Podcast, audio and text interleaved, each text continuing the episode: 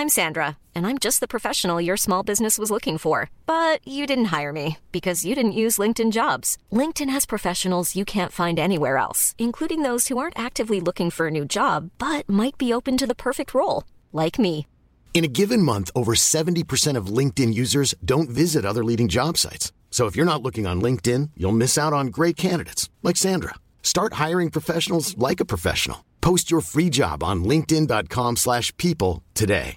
You should celebrate yourself every day, but some days you should celebrate with jewelry. Whether you want to commemorate an unforgettable moment or just bring some added sparkle to your collection, Blue Nile can offer you expert guidance and a wide assortment of jewelry of the highest quality at the best price. Go to BlueNile.com today and experience the ease and convenience of shopping Blue Nile, the original online jeweler since 1999. That's BlueNile.com. BlueNile.com. Millions of people have lost weight with personalized plans from Noom, like Evan, who can't stand salads and still lost 50 pounds. Salads, generally, for most people, are the easy button, right? For me, that wasn't an option. I never really was a salad guy. That's just not who I am. But Noom worked for me. Get your personalized plan today at Noom.com. Real Noom user compensated to provide their story. In four weeks, the typical Noom user can expect to lose one to two pounds per week. Individual results may vary.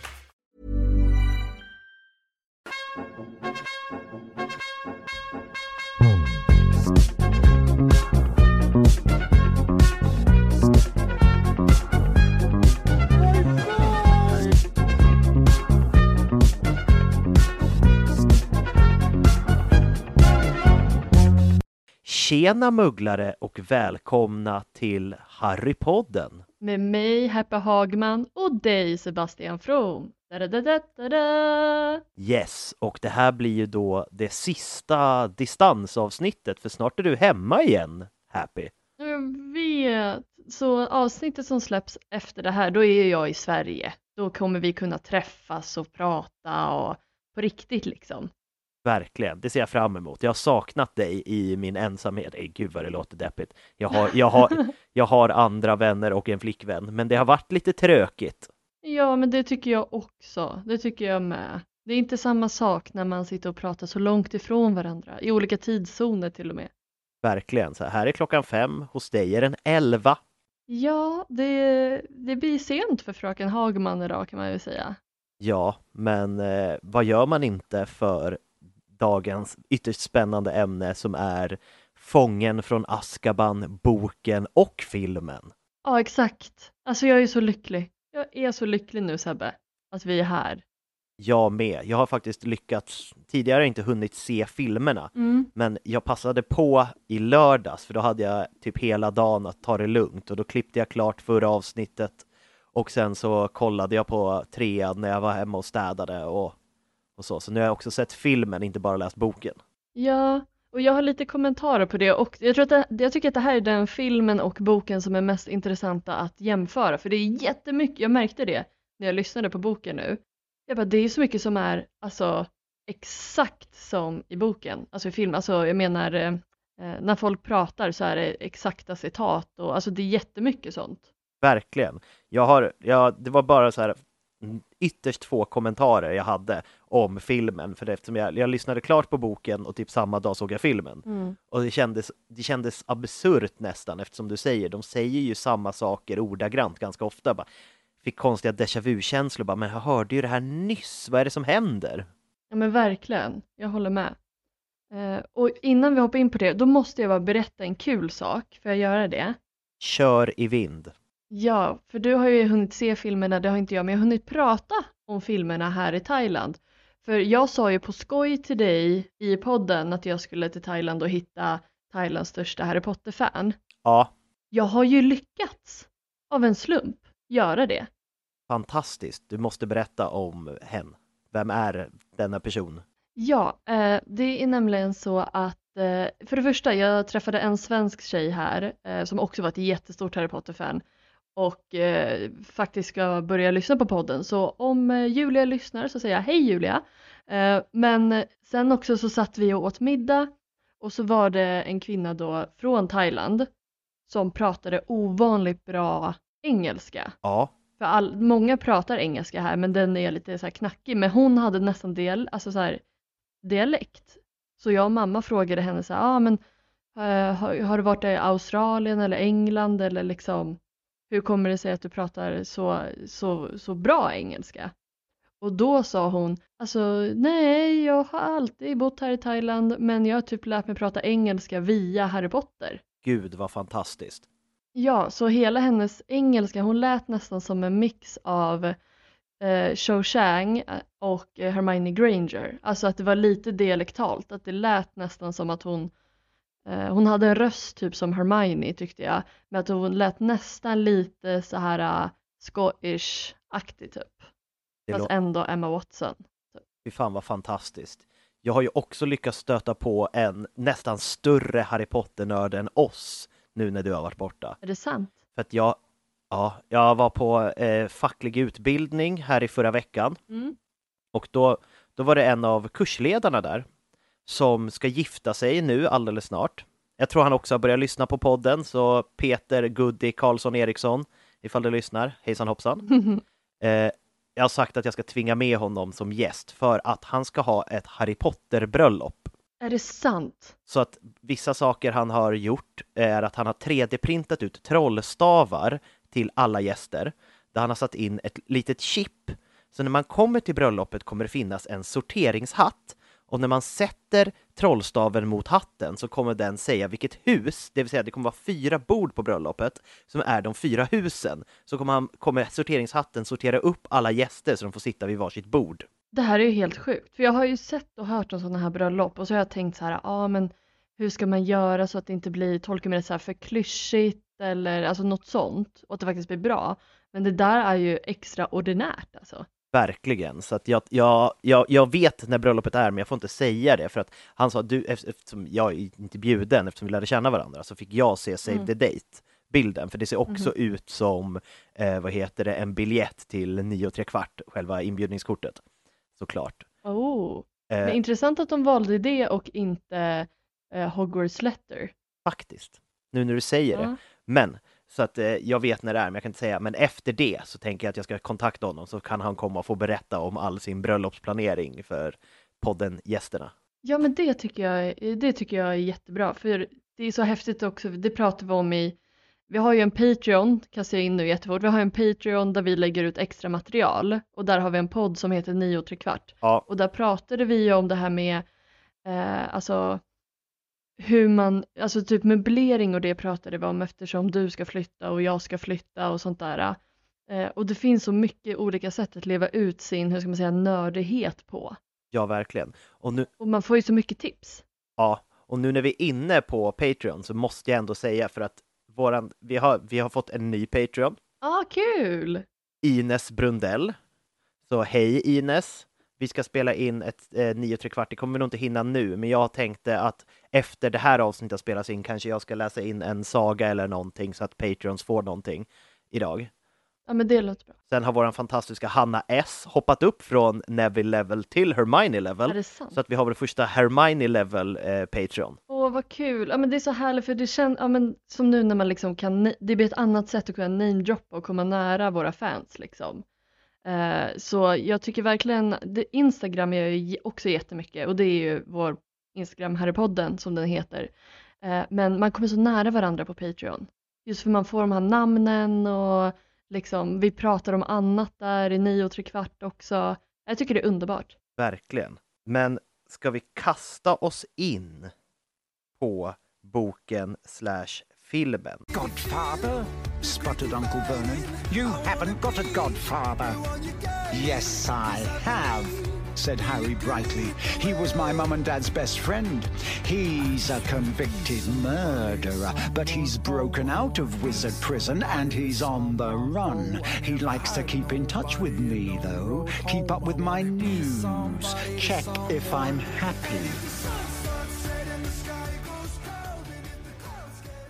Har du några kommentarer eller ska jag köra igenom min standard långa lista? Vad känner du? Jag tänker, eftersom du alltid har en så lång lista, som jag säger med kärlek, så tänker jag att jag kanske får hålla taktpinnen för jag har inte jättemånga För jag njöt så mycket när jag lyssnade på boken att jag glömde bort att skriva upp vissa saker. Självklart, det är bara att köra på. För, för då är det lättare för dig att inflika med dina extra Ja. punkter. Eh, och eh, det första jag tänkte på när jag läste boken, och som du garanterat också har som punkt, det är ju telefonsamtalet mellan Ron och Vernon. Gud ja, det var tror jag punkt två för mig. Ron ringer. alltså det, vad sjutton var det jag tänkte på där? Där tänkte jag nog främst på eh, hur jävla stökigt det var. Och att Ron gjorde det. Vad trodde han skulle hända? Sen i och för sig, jag förstår att han inte vet hur en telefon kanske fungerar. Nej men det känns som en genomgående grej i Harry Potter-världen att folk fattar inte hur jävla jobbiga Dursleys egentligen är. Mm. Alltså, de tror ju bara, nej men de är lite jobbiga, inte de är psykiskt misshandlande as. Mm. Så att de bara säger, nej men det är klart att vi kan väl, vi kan väl ringa dem i alla fall och ta ett litet snack. Ja, precis. Också så här att, ja, nej, jag tyckte hela, hela det samtalet, jag hade nästan glömt bort att de har det i, i boken. För det var ett tag sedan jag läste, läste trean. Just från början, ibland hoppar jag bara in om jag vill så här, typ somna till Harry Potter och sånt där. Jag tror att jag pratade om det innan. Ja, Och jag bara, vad är det som händer? nej men det är, det är ett väldigt spännande samtal. Alltså, jag man hade velat varit en fluga på väggen där och höra det samtalet. Gud ja, verkligen. Och jag fattar, det kommer inte, jo, jag tror att, jag kommer inte ihåg om de säger det, men vart har han fått telefon, alltså går, är han en telefonbox? Eller telefonrum? Kvalificerad killgissning är ju att Arthur har fixat den. Att han också vill, typ, också vill förstå hur den funkar, så därför så här bara, ah, men du kan ju testa att ringa honom sen. Bara för skojs skull, så kan vi se hur det funkar. Så kan det absolut vara. Jag tyckte det bara var så märkligt, för då, det känns som att skulle en sån sak ske, det känns som att alltså, man hade, nu absolut, ja, Harry hörde ju kanske inte hela samtalet och sånt där, men fatta, alltså, jag känner att tvillingarna borde ha hörts i bakgrunden. Om, om, Arthur kom hem med den där telefonen, Ja, fattar du vad kaos det skulle vara? Det är en stor familj, tvillingarna, Arthur vill garanterat tjuvlyssna för han vill fatta vad som händer. Men det är, man får ju uppfattningen när man läser att det är verkligen Ron som är ensam som pratar med Vernon. ja, verkligen. Men eh, han kanske, kanske, alltså det kan ju också vara så, alltså en, en eh, bilen-grej, att Ron ser att Arthur har en telefon ute i sin, sitt garage som han håller på att mecka och pilla med och sen smyger han ut och Mm. ringer. Så kan det absolut vara. Och jag tänker tvillingarna, om de fick tag på den där, de hade bara slått en massa siffror och ringt runt. Gud vad de hade busringt. De hade startat något busringningsprogram på eh, Trollkarls radio där de ringer mugglare och bara för att se vad som händer. Ja, ja. Typ som e eh, här Eriks röda rosor fast det är Fred och George eh, eh, Pumpkin Pasties typ. Verkligen. Men du hade en punkt innan det Jag här hade va? två, eh, fast en har jag bara glömt bort. Det var bara, det, eller glömt bort och glömt bort. Jag bara insåg det fantastiska namnet Wendelin the Weird som har skrivit en av kurslitteraturböckerna som Harry har för att jag blev också frustrerad över varför har de läxor på lovet? Kan de inte bara få, få leva? Alltså, och- och Mm. det verkar som att han har ganska mycket läxor över lovet för han är ju stressad över att de har låst in alla hans grejer, att han inte kommer hinna klart med sina läxor. Vad är det för skit? Mm. Att de bara säger nej men du ska skriva jättemycket över lovet. Ja, och jag tänker typ så här, eh, typ familjen Weasley drar ju till Egypten till exempel. Alltså han måste ju i så fall plugga på lovet, eller alltså på semestern. Och i allmänhet, ja, eh, de bor till och med på sin skola. Och i skolan får de jättemycket läxor. De får inte använda magi hur som helst.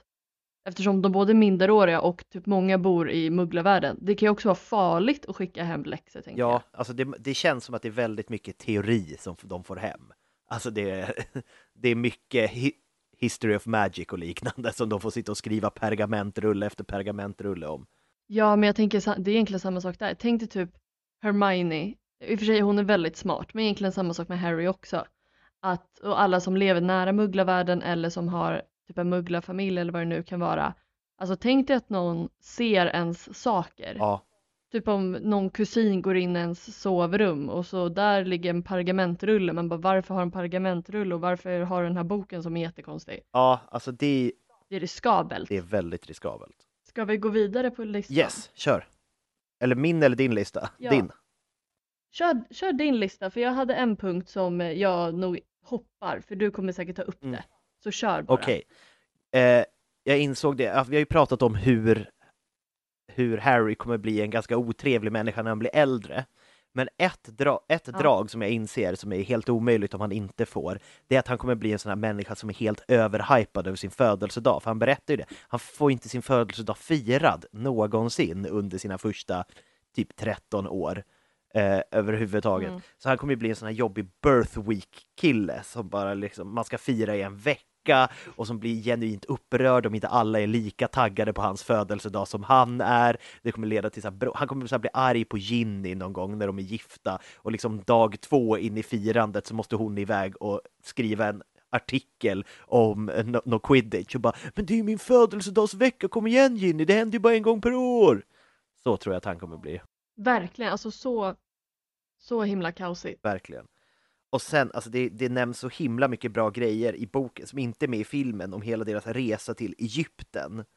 Alltså, Det var den punkten jag hade. alltså allt, för det första pratar de om mutant skeletons och bara droppar det i förbifarten utan att förklara vad det är. Så, vad är mutant skeletons? Alltså, jag tror att det nämns lite så här att det var så skelett med flera huvud, alltså det är så jävla obehagligt som de bara stöter på. Och sen Mm. att Fred och George försöker låsa in Percy i en pyramid, det är ganska grovt ändå. Ja men vi har ju varit inne på det innan, alltså just i böckerna så får man ju en väldigt, alltså man kan älska Fred och George men de har ju inga limits. Alltså de är ju farliga för allmänheten för att de gör sådana saker. Ja, men alltså grejen, deras pranks går hela tiden, eller det är på gränsen till att det går för långt hela tiden. Alltså hade de lyckats låsa in Percy i en pyramid och de får kalla dit några så här jättemäktiga trollkarlar för att bryta förbannelsen och han har blivit skadad av någon mutantskelett där inne. Molly skulle ju inte vara glad. Nej. Nej men det är ju det, är det. det, det har vi pratat om innan, det här med unbreakable wow, vow också. Liksom. Det har varit livsfarligt. Verkligen. Och jag, jag, de bara också nämner så här bla bla bla, ancient Egyptian wizards. Fy fan vad man skulle vilja se mer om den tiden, alltså liksom trollkarlar i forna Egypten.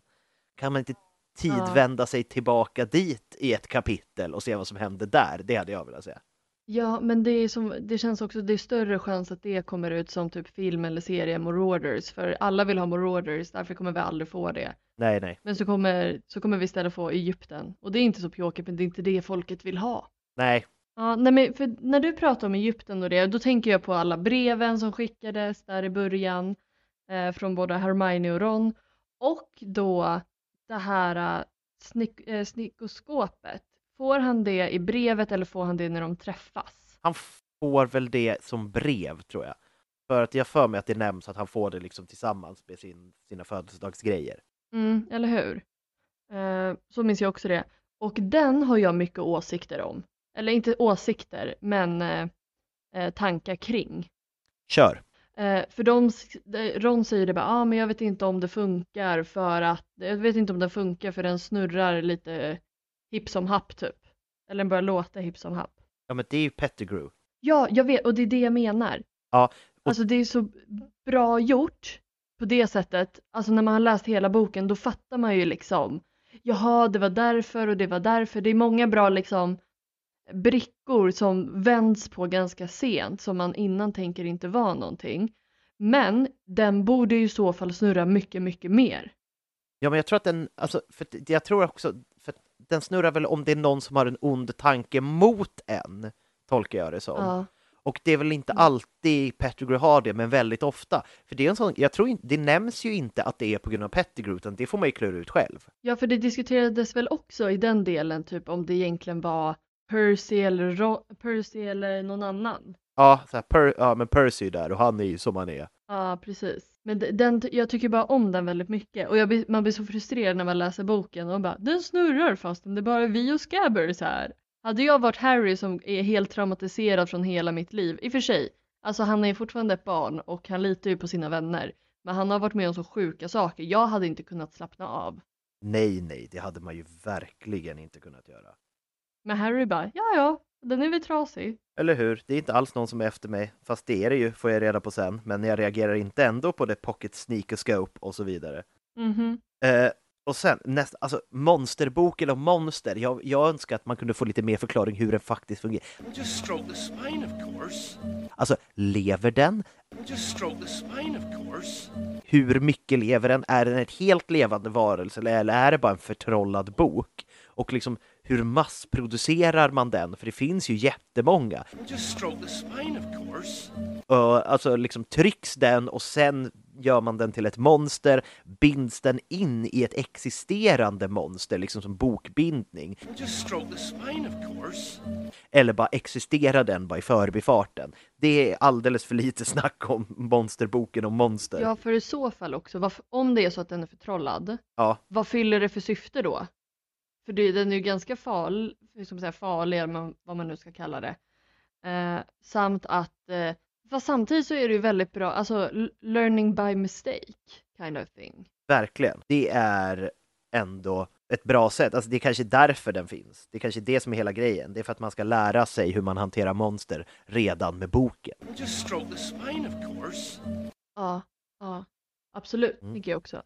Men typ ungefär härifrån, måste jag bara säga, fram tills ja, men han får reda på om Sirius Black och det, där har inte jag så många punkter, för den är väldigt bra. Alltså, jag hade inte så mycket liksom att, att ta, ta upp. Vi pratade ju häromdagen om någonting, jag tror att det var för nio och tre kvart, eh, allt, att eh, bussen är lila och lite sånt där, men annars, hela grejen med eh, att Harry och Vernon dealar med varandra, att om han sköter sig en vecka så kommer han skriva på papperna. Allt det här med Marge är liksom ganska likt filmen och allt det där. Så jag har inte så mycket punkter där. Nej, jag har en eh, snabb punkt.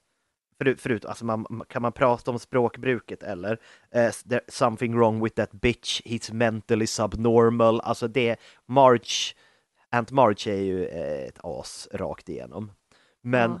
man blir inte chockad, jag tror Vernon nämner i förbifarten att eh, han är för dödsstraff och gud vad det passar med den karaktären. Eller han säger inte jag är för dödsstraff, men han säger man borde typ skjuta av dem, bla bla bla bla bla.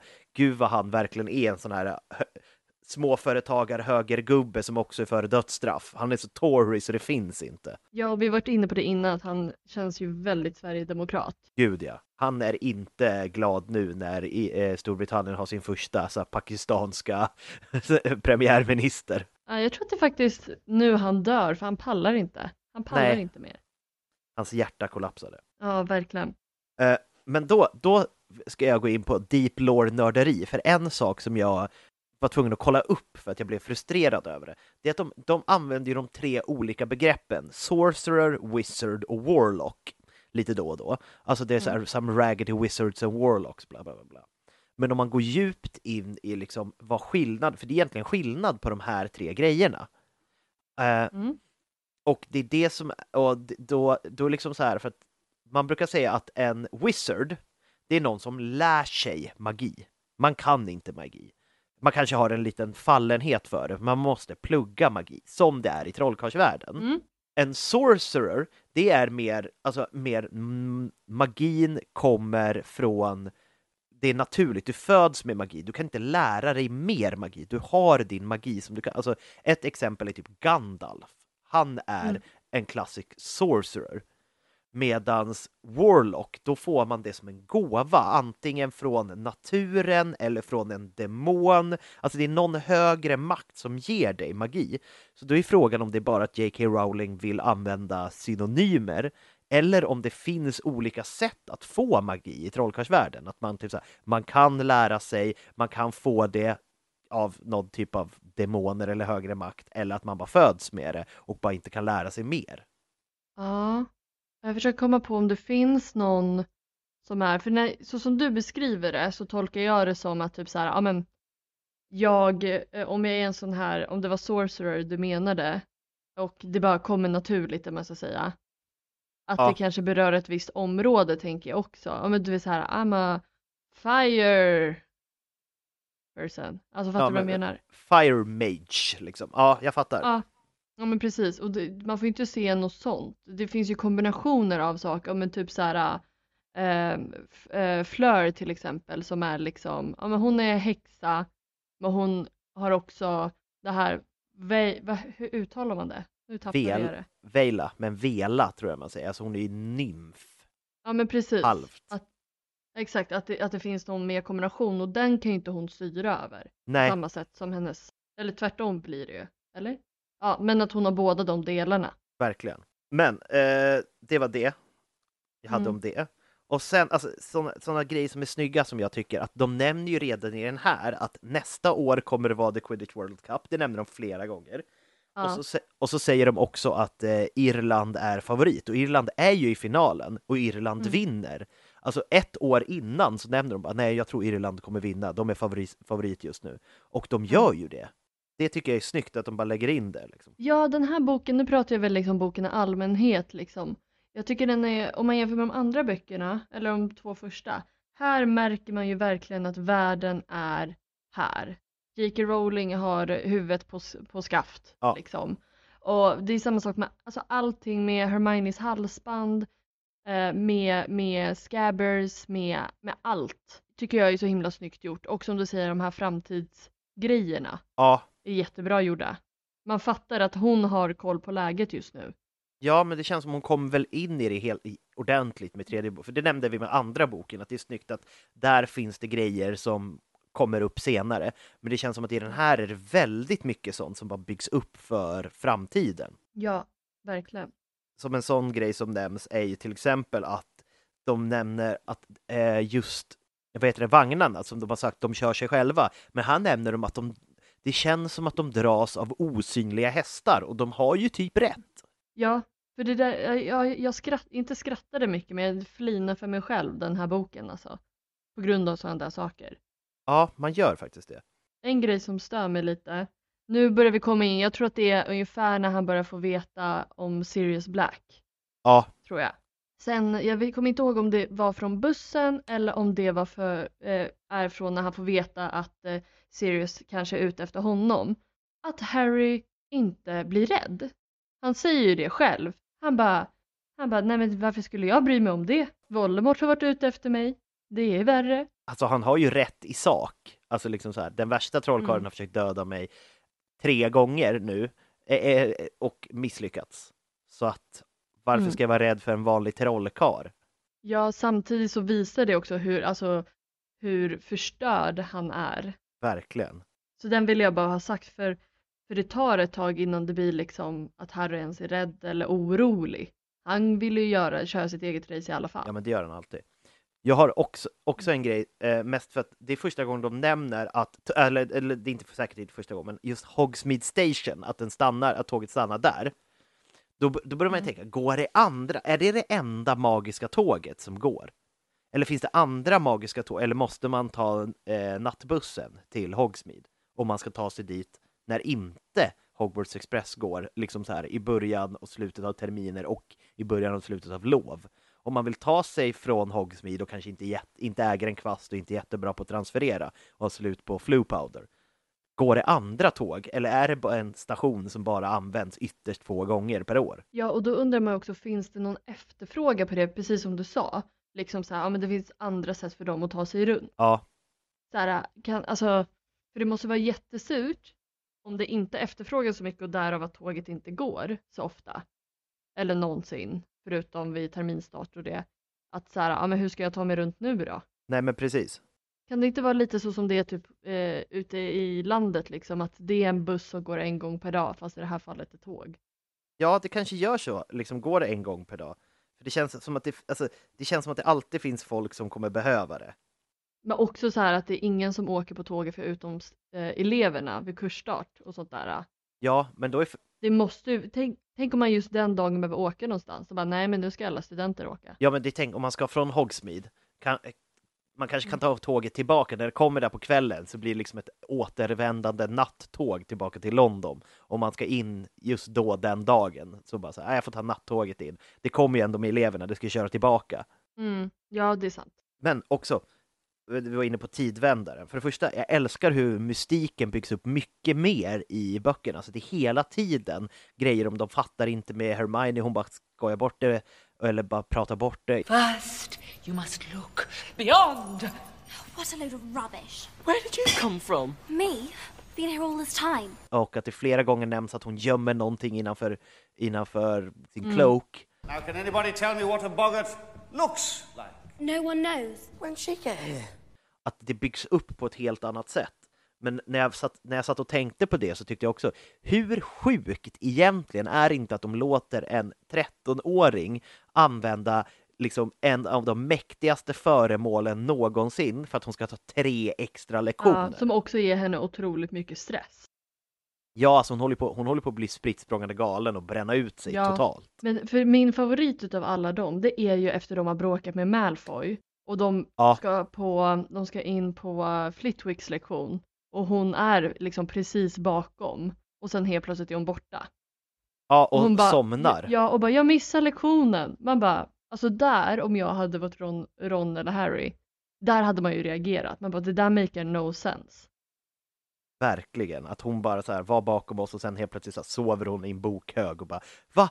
Gjorde ni såna där skratttrollformler? De kommer säkert på provet. Ja, varför missade jag? Blev Flitwick arg? Ja, man bara, du var precis där. Eller hur? Mm. Men de tycker jag är bra. Jag tycker att de gör, jag, för jag kommer ihåg i filmen, då var jag i och för sig yngre, men när jag såg filmen första gången, då var jag så här, vilket konstigt gag att Ron aldrig ser Hermione. But sir, we've just begun learning about red caps and hinky punks. We're not meant to start nocturnal beasts for weeks. Quiet. When did she come in? Did you see her come in? Ja, Alltså typ, och det är ju när man då senare får veta om tidsvändaren, att då man bara aha, och sen när man går tillbaka och kollar så fattar man ju. verkligen. Men det var också en snygg, eller nu hoppar jag lite, byter ämne, men just med Ron och Hermione, för att jag läste någonstans, jag vet inte vart, att, så här, att vissa tycker ju att Ron och Hermiones relation är lite påtvingad och påhopp, alltså liksom att den kommer från ingenstans. Mm. Men det var någon som, det är ju för att vi ser det från Harrys perspektiv. Mm. Och det, är jätt, och det är jättemånga gånger i böckerna som Harry möter upp Ron och Hermione. Det vill säga att då har de spenderat tid själva Ja, innan han har kommit in i bilden. Och det är just en sån gång, det tänkte jag på eh, särskilt i filmen, första gången han, han vad heter det, smyger, smyger sig ut till Hogsmeade. mm. Och de, de, är, de har ju typ nästan en kompisdejt slash en riktig dejt när de står där vid spökande stugan. Det är lite stel stämning mellan dem, Mm. men de står ändå rätt nära varandra och sen kommer han där. Do you want to move a bit closer? Huh? To the shrieking shack. Oh, oh actually, I'm, I'm, I'm fine here. Ja, alltså det är ju mycket sånt. Och det är ju samma sak när hon, de skickar breven i början. Då skriver Hermione bara, ja jag har redan pratat med Ron om att vi ska ses här liksom. Kommer du också dit tidigare så kan vi hänga alla tre. Men de har ju typ redan pratat om det. Ja, De kommer åka dit oavsett vad. ja, de struntar lite om Harry kommer, de vill hänga ändå. Och det är också kul att de vill hänga när de också bråkar väldigt mycket. Ja, i den här boken så bråkar de ju nog djävulskt hela tiden. Mm. Alltså, de är osams halva boken. Ja, verkligen. Och så här, jag tycker synd om exakt alla. Alltså jag tycker, tycker synd om Harry. Han var ju också lite sur ett tag, absolut. Men just så här, fattar du vad den kompisen som bara står emellan och Hermione som bara gör rätt och sen Ron som bara fattar typ inte att han gör så mycket fel. Det är ju typ så här när Hagrid pratar med dem och bara ni får faktiskt vara schyssta mot henne som han bara ja vi, man kan väl försöka men han blir fortfarande sur. Eller förblir sur ett tag till. Verkligen. Alltså, ja, deras, deras eh, relation är intressant. Och till det här vill jag också påminna, när vi ändå pratar om att de bråkar mycket. De bråkar mycket om Crookshanks och jag vill bara påminna alla om den här teorin som jag berättade om, jag tror det var flera avsnitt sedan, om att Crookshanks, det har diskuterats att det är katten som, eh, som Potters har innan de dör. Vilket förklarar väldigt mycket. Jag har skrivit upp det också, men jag tänker att det, det nästan får vi lägga in i typ Lily och James-avsnittet och diskutera det djupare, för det är för långt för att lägga in i det här avsnittet. Hermione, keep that bloody beast of yours away from Scabbers, or I'll turn it into a tea cozy. It's a cat, Ronald. What do you expect? It's in his nature. A cat? Is that what they told you? Looks more like a pig with hair, if you ask me. That's rich, coming from the owner of that smelly old shoe brush. De är 13 år, de dricker butterbeer. Ja, för det, det har vi pratat om. Så här. Är det alkohol i butterbeer? Ja. Eh, men det kan inte vara så mycket. Men alltså, vad är... Hur funkar det? Vad är grejen? Ja, för så här, det känns ju också lite, när man följer Trollkarlsvärlden, det är lite typiskt om att de bara, ja men det är fine att man dricker butterbeer. Ja. För i filmen så är det ju så att de försöker gå in på baren för att följa efter Harry. Och så säger voodoo-huvudena så här, nej ni är minderåriga, ni får inte komma in här. Och det är de ju, alltså även i eng alltså, brittiska standarden så är de ju minderåriga fortfarande. Det är jättekonstigt tyckte jag, jag fick red flags. Bara. Ja, för det det är också så här, eh, Fred och George när de, när de vinner, är det när de vinner Quidditch Cup? Eh, Ja, det är min favoritdel. så har ju de stulit, stulit antagligen, eftersom de är de, stulit liksom så här, två lådor butterbeer och bara kommer in och bara nu börjar festen. Ja, och det är också kul att de festar från åldrarna 17 till 11. Och till ett på natten när McGonagall kommer och stänger ner festen. Ja. ja, och hur kan man garantera att en 11-åring inte har fått tag på den här butterbeeren? Nej, det, det finns ju någon som är, sitter och så halvsover i ett hörn eller så spyr in i brasan. Ja, gud ja. 100 procent. Nej, så jag ville bara nämna den där, för jag reagerade så starkt på den. Ja, men ska vi hoppa vidare? För att jag har lite punkter om vår, våra, eller min, en av mina hatpersoner, Severus Snape. Okej, kör! För att han kommer ju fram som ännu mer av ett as i den här filmen. Alla så här Snape apologists där ute, förlåt. Men för det första, när, när de har, eh, vad heter det, trolldryckslektion och Hermione inte får hjälpa Trevor och han, eller inte hjälpa Neville.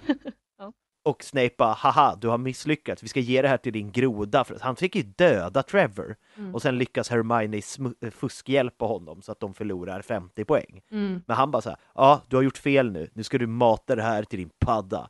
Det är så jäkla psykopatiskt beteende. Gud ja, men och det är det som är problemet med Snape, för jag pratade om det med Julia, hon svenska Harry Potter-tjejen som var här.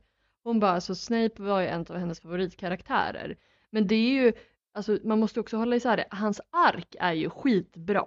Ja, Men han som person är fortfarande en röv. verkligen. För det, det reflekteras ju i just det faktum att det är eh, Nevilles Boggart. För att liksom, om man tänker på vad som, alltså Nevilles föräldrar blev torterade till galenskap av typ den läskigaste mörka trollkarlen efter Voldemort, Bellatrix Lestrange. Mm. Och det är fortfarande Snape som är hans Boggart. Det skulle vara helt rimligt om det var Bellatrix eller typ hans föräldrar. Att det skulle vara så obehagligt att de eh, liksom har glömt honom och mår så dåligt att det skulle vara hans Boggart. Mm. Men det, att det är just Snape, för att Snape är så elak mot honom. Mm. Hela, det förklaras ju bara, nej men han är bara elak mot Harry för att eh, han älskade Lily och James var ett as mot honom och bla bla bla bla bla. Mm. Men varför är han så jävla elak mot Neville? Vad fan har Neville gjort honom egentligen? Eller hur? Och det är bara så här, ja men han är en neurotisk pojke, liksom som inte är så bra på just hans ämne. Verkligen. Och eh, ha, ha, har du något mer om Snape? Ja, nej men alltså bara fortsättning där. Som jag tyckte också kändes ganska privat, men sen förstod jag varför. Jag förstår ju varför, men jag tror man är lite färgad från riktiga eh, så här lärarkontor och det. Ja. När de ska göra, när de ska ha Bogart-lektionen. Jag tyckte det kändes lite så här, eh, hur ska man säga, eh, kul men också så här privat att de har lektionen inne i rummet där Snape sitter och jobbar. Ja, det är lite taskigt. Alltså jag, det är som när man, är- jag som jobbar, också jobbar skola, att man bara så här, helt plötsligt kommer någon in och bara så här, ja men jag har möte här, bara, men tyvärr vi måste använda det här rummet. Bara, "Aha, okej. Får jag sitta kvar? Ja, att han ännu en gång framför en annan lärare och hela klassen bara förväntar inte så mycket av Neville. Men där kommer man ju också in på hur fantastisk eh, Lupin är som bara låter I'm Sandra, and I'm just the professional your small business was looking for. But you didn't hire me because you didn't use LinkedIn jobs. LinkedIn has professionals you can't find anywhere else, including those who aren't actively looking for a new job but might be open to the perfect role, like me. In a given month, over 70% of LinkedIn users don't visit other leading job sites. So if you're not looking on LinkedIn, you'll miss out on great candidates like Sandra. Start hiring professionals like a professional. Post your free job on linkedin.com/people today. Hey there, it's Michelle Norris. I'm host of a podcast called Your Mama's Kitchen. When I travel, I'm usually looking for a way to find a taste of home when I'm not at home. And one of the things I love to do when I am at home is entertain. And Airbnb allows me to do that. When I was in California recently, I rented a house that had a great kitchen. And when we were sitting around the table, we're all thinking, we're in someone else's house. Someone could be in all of our homes as well. If you have a home, but you're not always at home, you have an Airbnb. Your home might be worth more than you think. Find out how much at airbnb.com slash host. Där han börja. Ja, och att han gör det så jäkla bra. Mm. Det var det enda, det störde mig på, på tal om att eh, filmen och boken är väldigt lika varandra. Alltså att man nästan kan följa med. Alltså det är som att se filmen framför sig emellanåt. Att där så får Neville förklara högt vad, hur han, hans eh, mormor ser ut, eller farmor. Ja. Det störde mig jättemycket. Jag bara nej, han ska säga You don't need to tell us, we will see. Eller något sånt där.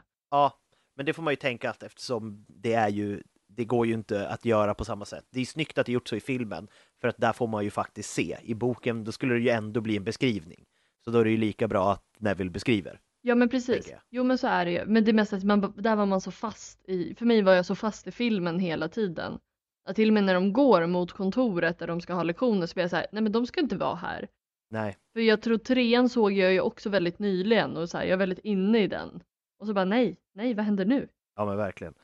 Men också, om vi hoppar vidare, stackars Ron, han får, han får i kvarsittning igen att skrubba mm. Saker utan magi. Det verkar vara hans standardgrej. Jag har glömt bort nu i vilket läge, men han får ju det att han bara säger nej, nu måste du skrubba det här silvret nu och du får inte använda magi. Men är inte det för att han står upp för Hermione? Är inte det någon sån grej? Jo, det kanske det är. Jag som sagt, jag har lyssnat pö om pö i typ en vecka, så jag, kan inte, jag minns inte. Jag, så fort jag kommer på något kul så skriver jag ner det, så kanske jag inte minns detaljerna runt det. Jag har fått stryka flera grejer från min lista för att det, det makade no sense. Och det är också snyggt där att det är också bara, ja, men han får, han får vara uh, hos uh, Pomfrey liksom. Ja, just det. Sjuk, uh, sjukhusflyga och det tänker man ju inte på. Man bara, ja men han fick göra det. Ja. Och sen efteråt så bara, nej men Lupin var inte där. Vilket var det de trodde, för han var ju där. Ron var ju där och såg att Lupin inte var där. Precis, när han var sjuk och borta. Just det, det är det han får göra. Han får skrubba bäcken, alltså det man kissar och bajsar i utan magi. Det är jätteäckligt. Alltså stackars barn. Stackars barn. Och då undrar man också om det är sådana straff som Ron får. Vad får då Fred och George för straff? De måste få helt sjuka grejer. Alltså de har ju skrubbat allting. Alltså allting har ju ja, de skrubbat. Eh, men om vi ska hoppa, eller vi kan ta den här för att det make, eftersom vi ändå är inne på Lupin. Att jag älskar att Lupins försvar mot svartkonst, lektioner, mm. Är, ju bara skötsel och vård av, vård av magiska djur. Alltså det är helt plötsligt så här går de ju från 100% teori som det var två år tidigare till 100% praktik. Men all praktik har också att göra med magiska djur. Mm. Så att liksom de ämnena går helt plötsligt väldigt mycket in i varandra. Ja, verkligen. Det tänkte jag också på. Alltså det är inte som man får liksom följa med på. Det är inte så många trollformler på det sättet liksom. För det är ju ridiculous är ju det, liksom bara den här behöver ni för att försvara er mot det här. Ja. Men sen så är det inte det längre. Det är jättekonstigt. Mm. Sen en sak, som om man går in på att Harry är en jobbig karaktär. Han blir ju jätteledsen över sin, eh, att hans Nimbus 2000, den flyger in i piskande mm. pilträdet. Och de nä nämner att en Firebolt kostar hundratals galjoner. Mm. Så att en Nimbus 2000 som nu är några år gammal och har kommit två bättre kvastar kanske inte är så dyr. Mm. Varför blir han så jävla ledsen? Han är ju svinrik. Alltså man kollar i ettan, man får se hans mm. valv. Det är ju högar med guld. Han har ju liksom tiotusentals galjoner, minst. Varför börjar han gråta över en kvast som kanske kostar hundra galjoner när han, när han har så mycket pengar? Ja, verkligen. Och han har ju varit med om någonting, ännu en gång, han har varit med om någonting som är ännu mer traumatiskt. Men han gråter över kvasten. Ja, nej, han, är, han är special på, på det sättet. Men jag tycker, det måste jag också säga, eh, dementorer och det eh, beskrivs väldigt bra i boken. Alltså, och där får man också dialog. Han har ju dialogen från när hans mamma dör. Fattar du? Hemskt. Ja, ja för i filmen är det bara la la la som man hörs. Det där var, det, det där var den bästa imitationen av det någonsin. La, la, la. Det låter ju så. Ja, gud ja. Och jag hade någonting, jo, på tal om det också med dementorerna som jag stör. Nu kanske vi hoppar lite.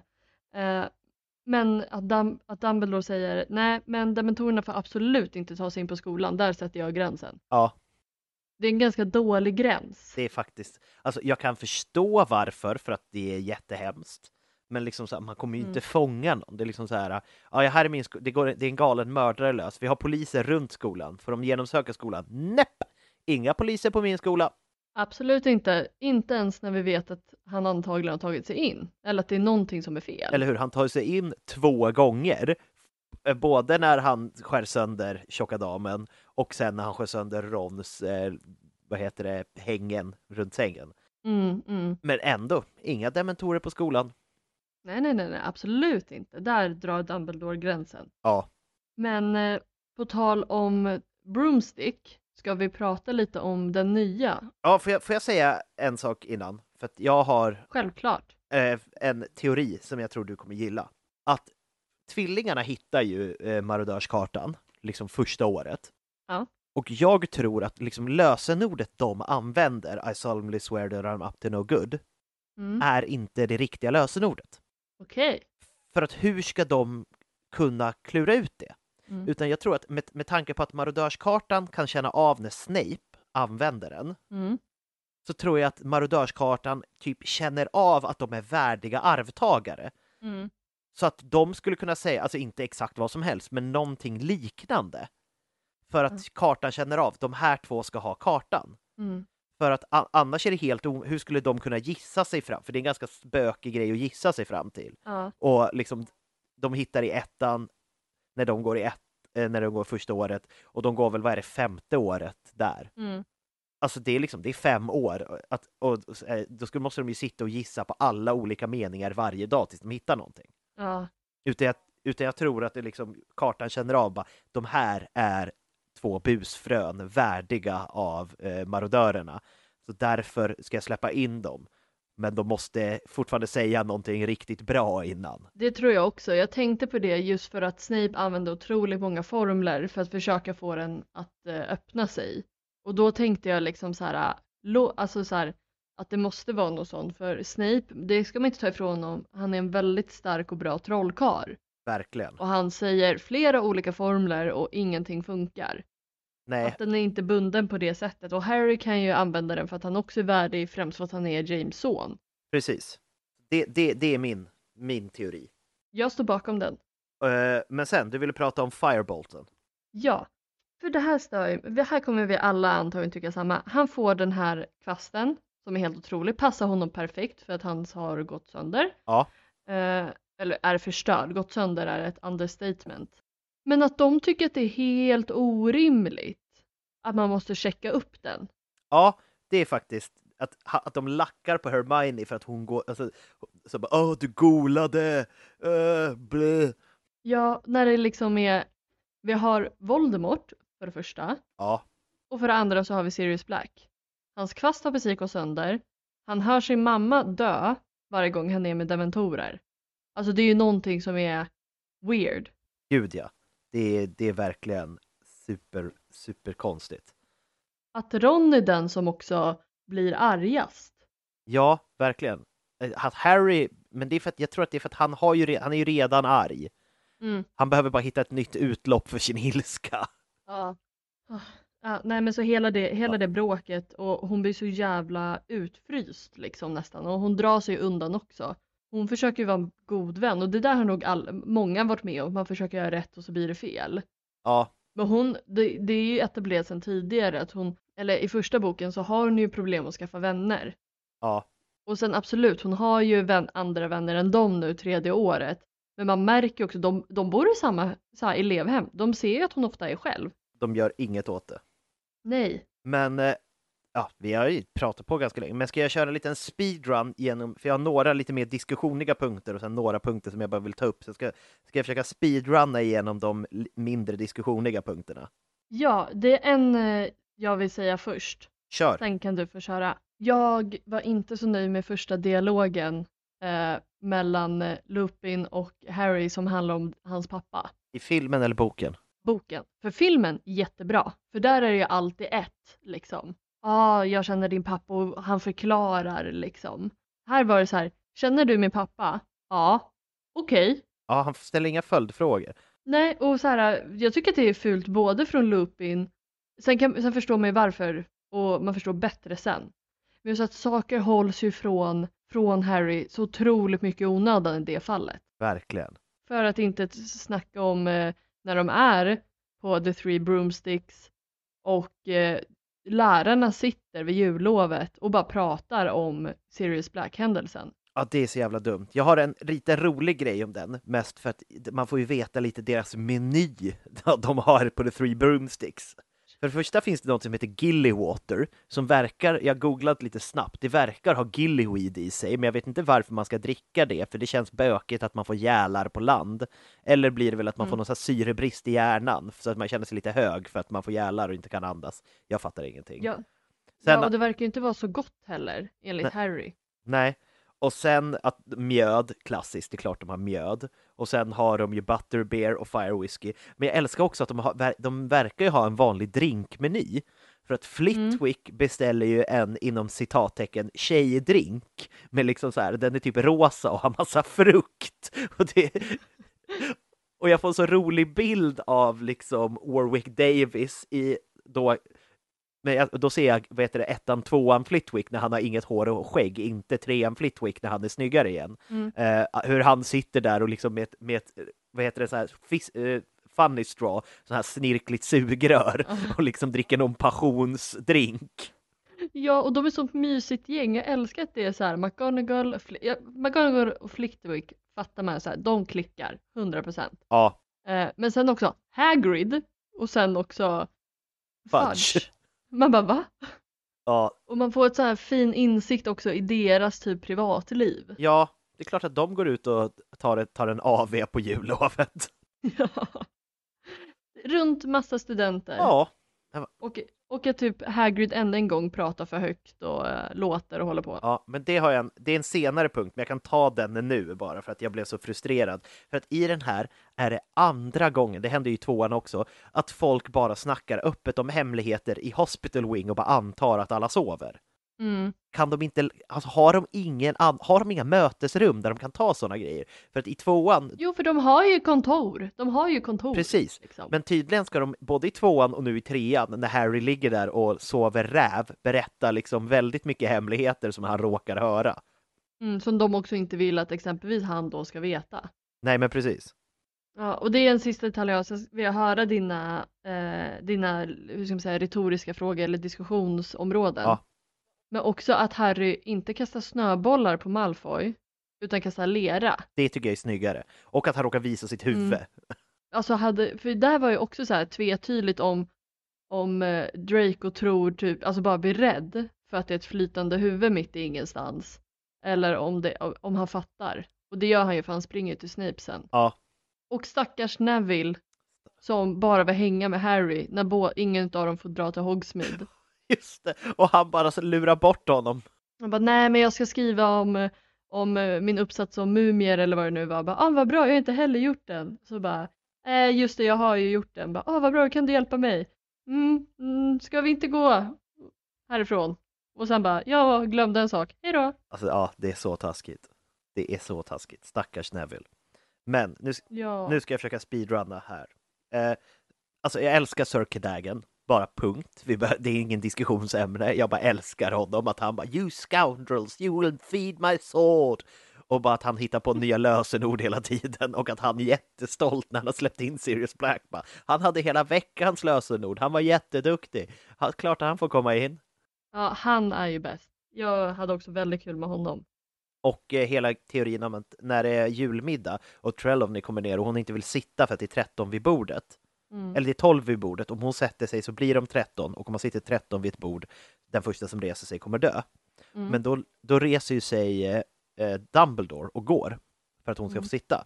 Men de Mm. är ju redan 13 vid bordet för att Peter Pettigrew är ju vid bordet. Ja. Så att, och den första som dör efter det, Dumbledore. Dumbledore. Ja, den har jag också hört innan. Den är väldigt bra. Bra Mm. diskret detalj. Verkligen. Och eh, för det är också en grej att man säger ju att hon är ganska dålig, men jättemycket Trelawney säger är ju sant. Ja. För, för det första att Neville ska ha sönder koppen, eh, att någon kommer lämna oss, det är att Hermione lämnar. Alltså ä- även om de säger att det är bara när hon får den här konstiga rösten som hon säger sanna profetior. Mm. Hon, ha, hon har bättre koll än vad man tror, verkar det som. Ja, det med koppen älskar jag. Ja. Och det är också så här så kontraproduktivt, hon älskar ju de kopparna. Hon kunde bara, du, eh, jag tar en kopp åt dig. Eller ta den där rosa på en gång. Eller vad det nu var. Verkligen. Och, och sen har jag en teori, alltså, jag tror att Percy, han är lite, för att använda ett lite förlegat uttryck, han är lite whipped av eh, Penelope Clearwater. Det känns lite så. Mm. För när de har bettat, just, jag tänker mest på den scenen när de har bettat pengar på Ravenclaw eh, Gryffindor-matchen. Mm. Och han bara så du, du måste vinna, jag har inte tio galjoner. Och sen så skriker hon på honom bara oh, oh, I'm coming Penny! Och bara springer därifrån. Det känns väldigt som att han, hon har honom runt sitt lillfinger. Ja, gud ja, det tänkte jag också på. Men jag tycker också så här, han är ju inte heller en person som har haft det lätt. Nej, Alltså, kän- alltså socialt och känslomässigt. nej, han känns ju, Så då blir man väl lätt en toffel. det känns som att han ligger lite på spektrat för att vara, vara sån. Om det är någon, Ja. alltså det känns som att det är liksom, i och för sig är det ju ärftligt med både ADHD och autism, men det känns som att i Weasley-familjen är det ju överhängande ADHD. Alltså man tänker, alltså både Bill och Charlie skulle ju kunna ha en släng av det, så här, nej jag vill jobba med drakar och dra utomlands, hej då. Eh, tvillingarna, solklart. Ron också, han är, han är klumpig och konstig och, och säger fel saker i fel lägen. Men då, så, så kommer Percy där och bara, hej, jag hamnar på autismspektrat istället.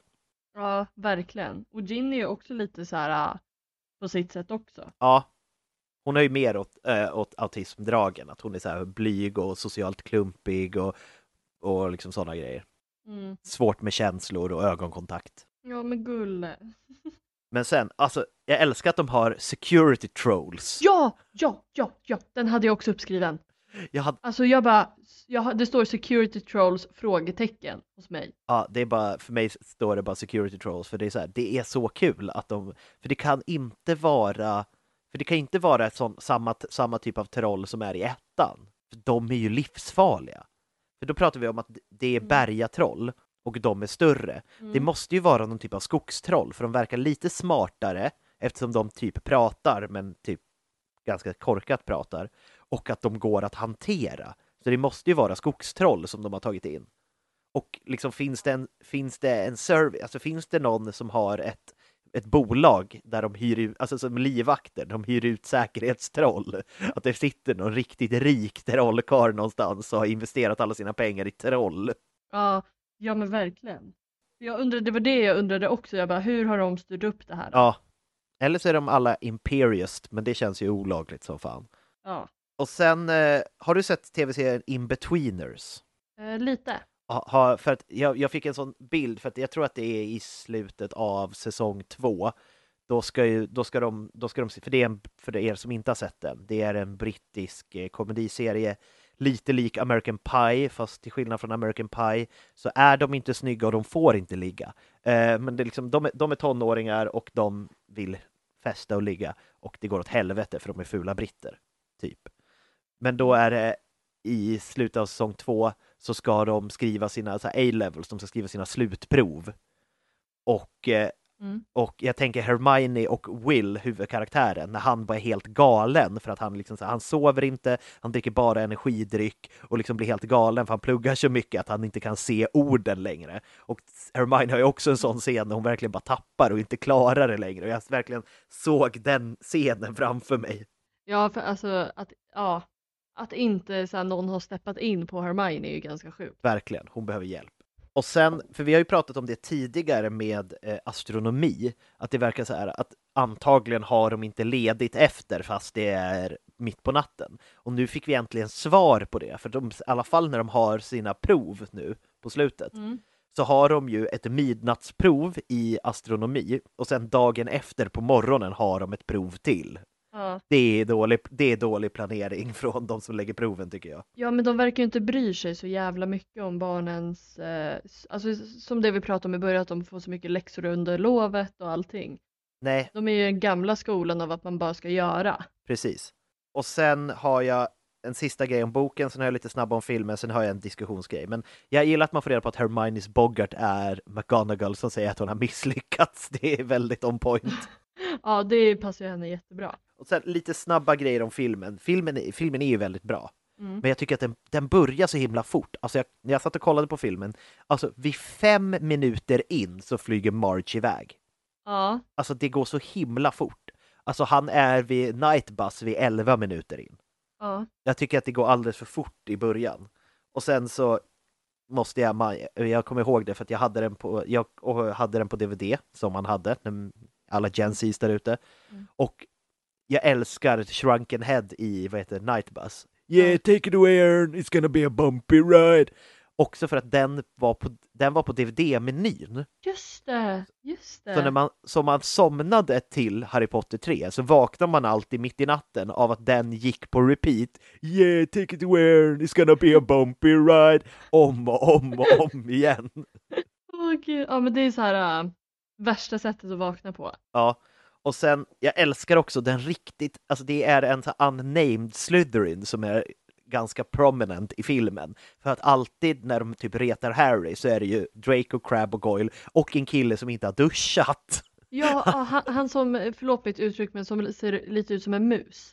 Eller som ett så här, äh, Ja, han ser lite ut som en råtta som Ja. har, som har liksom så här väldigt flötigt hår. Han, Alltså, han han är- borde fått en större roll. ja han, han ser ju ut som en britt utan dess like. Gud ja, han är Ja. en av de mest brittiska britterna någonsin. Jag undrar Och vad sen- han gör idag. Det, måste, det ska jag googla eh, eh, när jag kastar in eh, diskussionsfrågan på dig. Mm. Men också det, det här djur, konstiga djurgodiset de äter som kan låta som djur. Vill Mm. man ha det eller? Om man vill. Gud ja. Ja, och det är sånt mysigt häng. Ja, och så, Alltså där, där blir man ju avis. Men precis. Och sen när de så här zoomar ut genom fönstret och de börjar så här killbrottas och kuddkriga med varandra. Det verkar så himla härligt och wholesome. Ja, och man undrar hur det är att typ vara i så här äh, Percys sovhall. Han kommer ju skälla på folk som är eh, för högljudda. Ja, ja för de har ju Dream, eh, dream Team i Verkligen. det rummet. Det är en bra generation. Och sen eh, när vi ändå är inne på godis, alltså, var, alltså Harry ska ju ändå framstå som ganska smart. Mm. Men hur kan han vara så dum att första gången när han ä- tar sig in i Hogsmeade via tunneln, har på sig osynlighetsmannen, så stjäl han ändå Nevilles klubba och bara går ut och låter den sväva fritt i luften. Ja, ja, det är dumt. Men det är estetiskt väldigt snyggt gjort. Ja, jag kan ju, för, jag kan ju förstå varför man gjorde det, Mm. men provocerande. Och sen Mm. en sista, en sista grej om filmen, eh, att jag tycker det är jättekonstigt det blir lite som det här som folk hatar i Sagan om ringen, att ork, att vad heter det, Uruk-haien säger meat is back on the menu. Så säger alla bara, men hur kan orker veta vad en meny är? Mm. När Snape tar sig in i spökande stugan så säger Sirius run back and play with your chemistry set. Ja, just det. Sirius kommer från en av de mest inavlade trollkarlsfamiljerna. Den enda mugglare han har träffat är Lily, Ja, typ. ja, Hur kan han veta vad ett chemistry set är? ja. Ja för den, den meningen är ju väldigt bra. Den är ju väldigt typisk honom. Ja, Men it makes no sense på det sättet. verkligen. Och så tycker jag att filmen, alltså det är det är sämsta slutet på en Harry Potter-film, även om det är en av de bästa filmerna.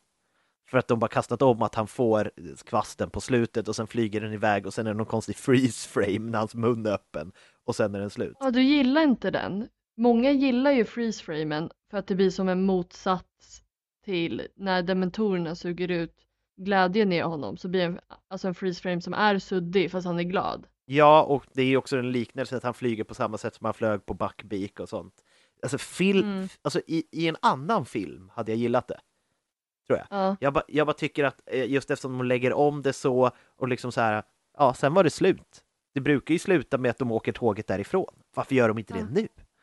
ja men här märker man ju liksom att eh, regissördelen är någonting annat än Ja, vad det tidigare varit. Liksom. verkligen. Eh, jag har en grej också som jag vill ta upp Kör. innan du kör diskussionen. För det här var ju så här mot slutet, jag, jag var lite vimsig då när jag lyssnade på den delen, så rätta mig om jag har fel. Men stryper Sirius Black Harry? Eller är det tvärtom? För i boken så, så, så beskriver de, det beskrivs att det är ett tryck mot halsen. Men jag fick till när jag lyssnade att det var Black som ströp Harry, men that makes no sense. Nej, men jag tror, för att i filmen så är det ju han som flyger på eh, Sirius Black. Alltså att Harry flyger på Sirius Black. Exakt. Så jag tror att det är Harry som stryp, börjar strypa honom. Ja, ja, så kan det absolut vara. Och sen bara allmänt sjukt att han bara fan jag hann inte döda honom Ja, innan, eh, man bara okej. Man förstår känslan för han är jätteledsen och jättearg. Men vi det är väl det enda temat på den här podden, den enda röda tråden, det är att Harry behöver hjälp. han behöver väldigt mycket hjälp. Men sen, min lilla diskussionsfråga. Det, för, det förklaras ganska mycket om Patronus i den här, hur det funkar och att man vet inte och att det är en reflektion av ens inner self. Precis på samma sätt som det förklaras med hur man blir en animagus och hur svårt det är och att liksom det, att man måste ha ett löv i munnen i en månad och man måste hitta dagg från en plats som inte har rörts av sol eller av djur eller av människor och att man måste säga en mening varje soluppgång och solnedgång i en månad och bla bla bla. Men har man samma patronus som man blir animagus, för båda är en reflektion av ens liksom inre väsen. Tror du det? Mm. Eh, ja. Kort sagt ja. Ja. Ja, men jag undrar också typ så här, för vi säger att jag kan göra en patronus innan jag kan bli en animagus. Ja. Om det då inte är samma, kommer patronusen att ändra sig? Ja. Tänker jag. Eller kommer den inte göra det? För det är ju så, liksom, ja, nej jag vet inte. Nej, för jag, jag vet inte heller. Jag, min första spontana tanke är ja, det är det. Eh, för att liksom, man kan inte ha två spirit animals eller vad man ska säga, liksom, utan det är ju, du får ju, du får, du får ju ett. Liksom. Det var också en så rolig grej som jag, jag, jag, jag vet inte vad jag hittade, om det var på eh, Reddit eller någonting, att de sk- beskrev att, och, att för att de, det kommer vi gå djupare in på i Marauders-avsnittet, att de karaktärerna som vi eh, får lära känna nu är ju en reflektion Mm. av Marauders och, och att Neville är Peter Pettigrew eh, fast det gick bra, inte gick dåligt. Mm. Men så gick, gick de in på att alla, vad heter det, i Golden Trio plus Neville skulle bli animagusar också, men Neville blev en guldfisk. Så att liksom, så, så fort någonting hände så bara låg Neville i ett hörn och bara floppade runt för han kunde inte hjälpa till. Det är också väldigt kul. Ja, den här uh, unnamed Slytherin boy heter Bronson Webb och han har gjort små roller i stora filmer efter det. Så han är, han är så här unnamed hooded gunman i den nya Batman. Eh, han, är, han är med i Rogue One, Star Wars, där han bara är en, en rebell som inte har något namn. Han är med i den, den konstiga Meet, Meet Your Makers, Victor Frankenstein-filmen med Daniel Radcliffe, där han också är typ en unnamed character. Så att det går väl okej för honom. Han är med i en Pirates of the Caribbean. Ja. Ja. Gud, jag älskar det. Jag bara, hmm, det känner jag igen. Fast det kanske jag inte gör, jag får kolla upp det där. Eh, men alltså det, alltså vilken kul skådespelarkarriär där typ ingen vet vem han är. Ja. Men han gör ändå bra grejer och får lära känna coolt folk. Ja, gud, nu kollade jag bara lite snabbt på bilden. Han är med i Game of Thrones också, men han är bara med i första avsnittet. För det är han som, sen, som ser de första White Walkerserna eh, och flyr från The Wall och sen blir halshuggen av, eh, vad heter det, Stark. Ah, gud. Ja, men han har haft det bra då. Han har, han har träffat tyft folk. Men på tal om, när vi pratade lite om det här med eh, Patronus och sånt där. Alltså att, att Draco och de klär ut sig till en dementor. Ja, och att Harry skickar en patronusboll i ansiktet på dem så att de blir rätt skadade. Ja, och sen typ så här Lupin bara, titta på det här. Alltså han, Lupin är ju så himla obrydd på ett skönt sätt. Verkligen. Han är ju mer Han är så lugn. Ja, han, han känns lite mer som eh, i fjärde filmen när Moody slash Barty Crouch Jr. Förva förvandlar eh, Draco till en eh, vessla Mm. eller en iller. Mm. Det känns han känns lite mer så i boken. Han skulle inte göra det, men han skulle inte bry sig om någon annan gjorde det. Nej men precis, han hade ju stått i bakgrunden och så här smilat upp sig lite. Verkligen. Men innan vi avslutar, Aha. För nu är vi ändå uppe och du ska, du ska få gå och lägga dig, så tänkte jag att du, du la ju upp, eh, vad heter det, på Instagram, vad folk såg fram emot. Ja! Så att jag har dem här. Så jag tänker att vi kan gå igenom dem lite snabbt och bara peta på, liksom, många har vi rört i det här avsnittet och de flesta av dem kommer vi gå igenom i senare avsnitt. Ja, Så att jag bara läser igenom dem. ja gör Eh, det. Mysteriet med det piskande pilträdet. Det gick vi faktiskt inte in på så mycket nu, men det, får vi, det, kommer vi nog dra i Marauders-avsnittet, just med hur det blir planterat och varför det blir planterat och så. Ja, ja men precis. Eh, öppningsscenen med Aunt Petunia när Harry ryter ifrån. Mm. Var det någon som Shut skrev? up! Shut up! Ja, det tycker jag ändå är starkt. När han spränger glaset.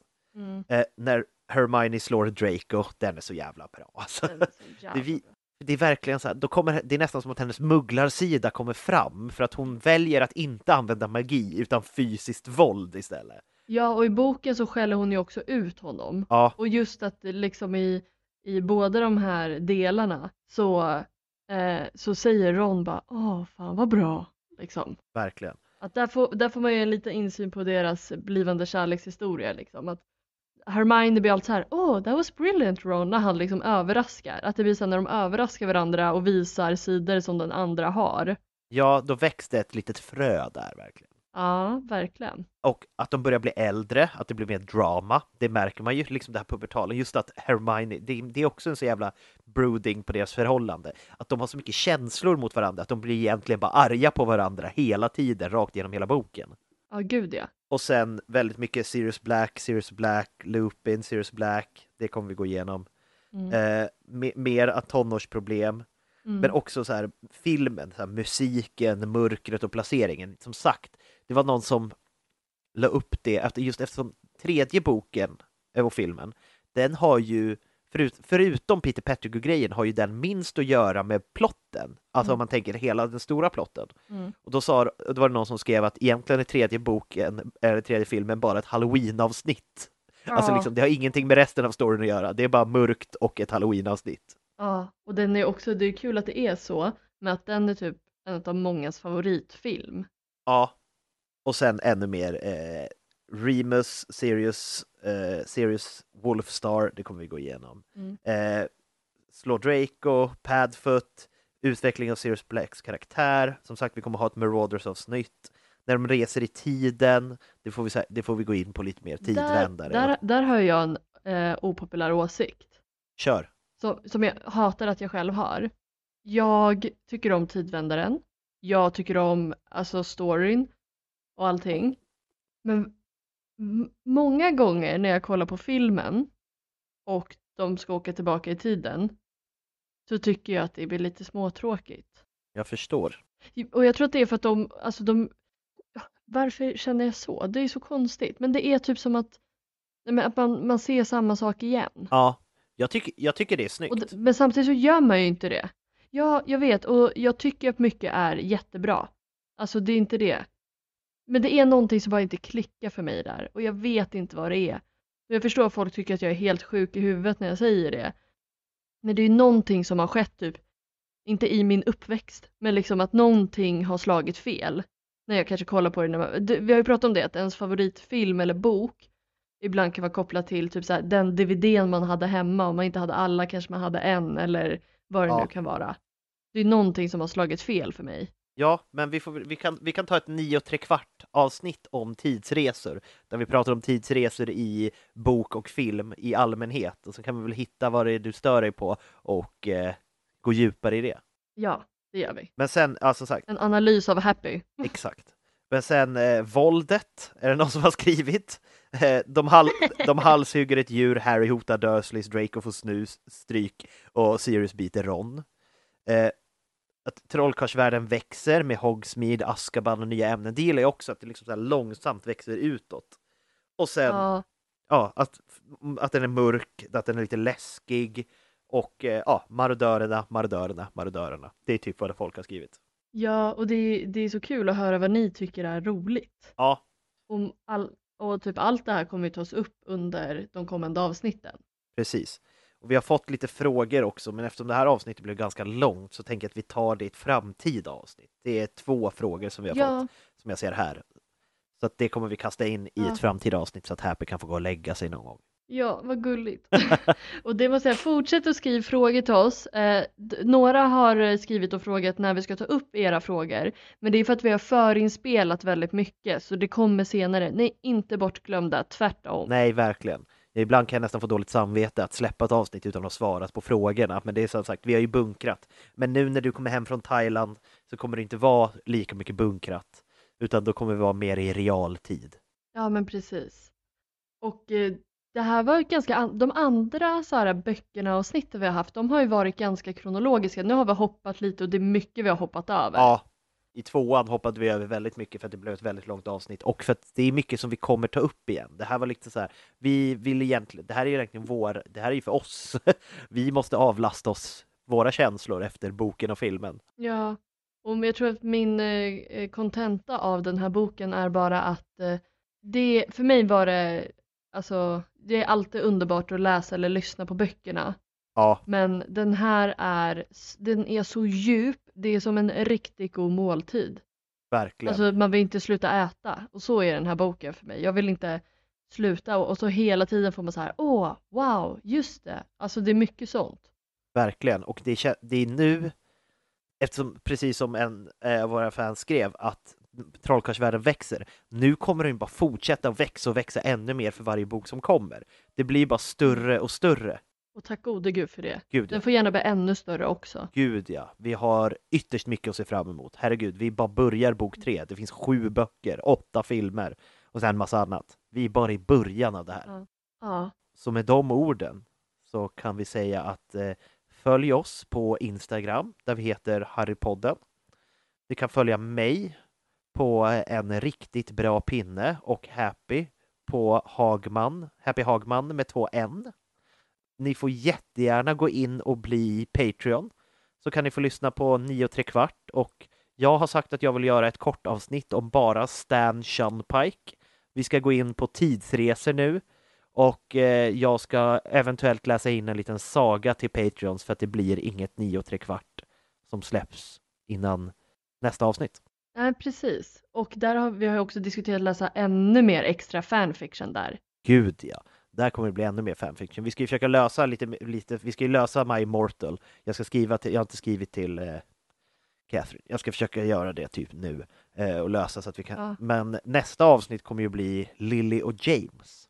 Ja, så vi kommer behöva dela upp rådelserna lite, men nästa är Lily och James. Precis. Och mm. med det säger vi puss och hej. Puss och hej!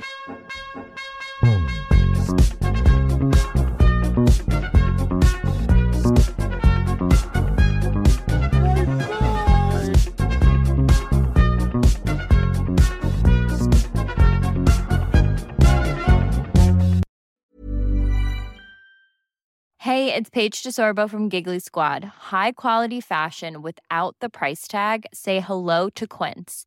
I'm snagging high-end essentials like cozy cashmere sweaters, sleek leather jackets, fine jewelry, and so much more. With Quince being 50 to 80% less than similar brands.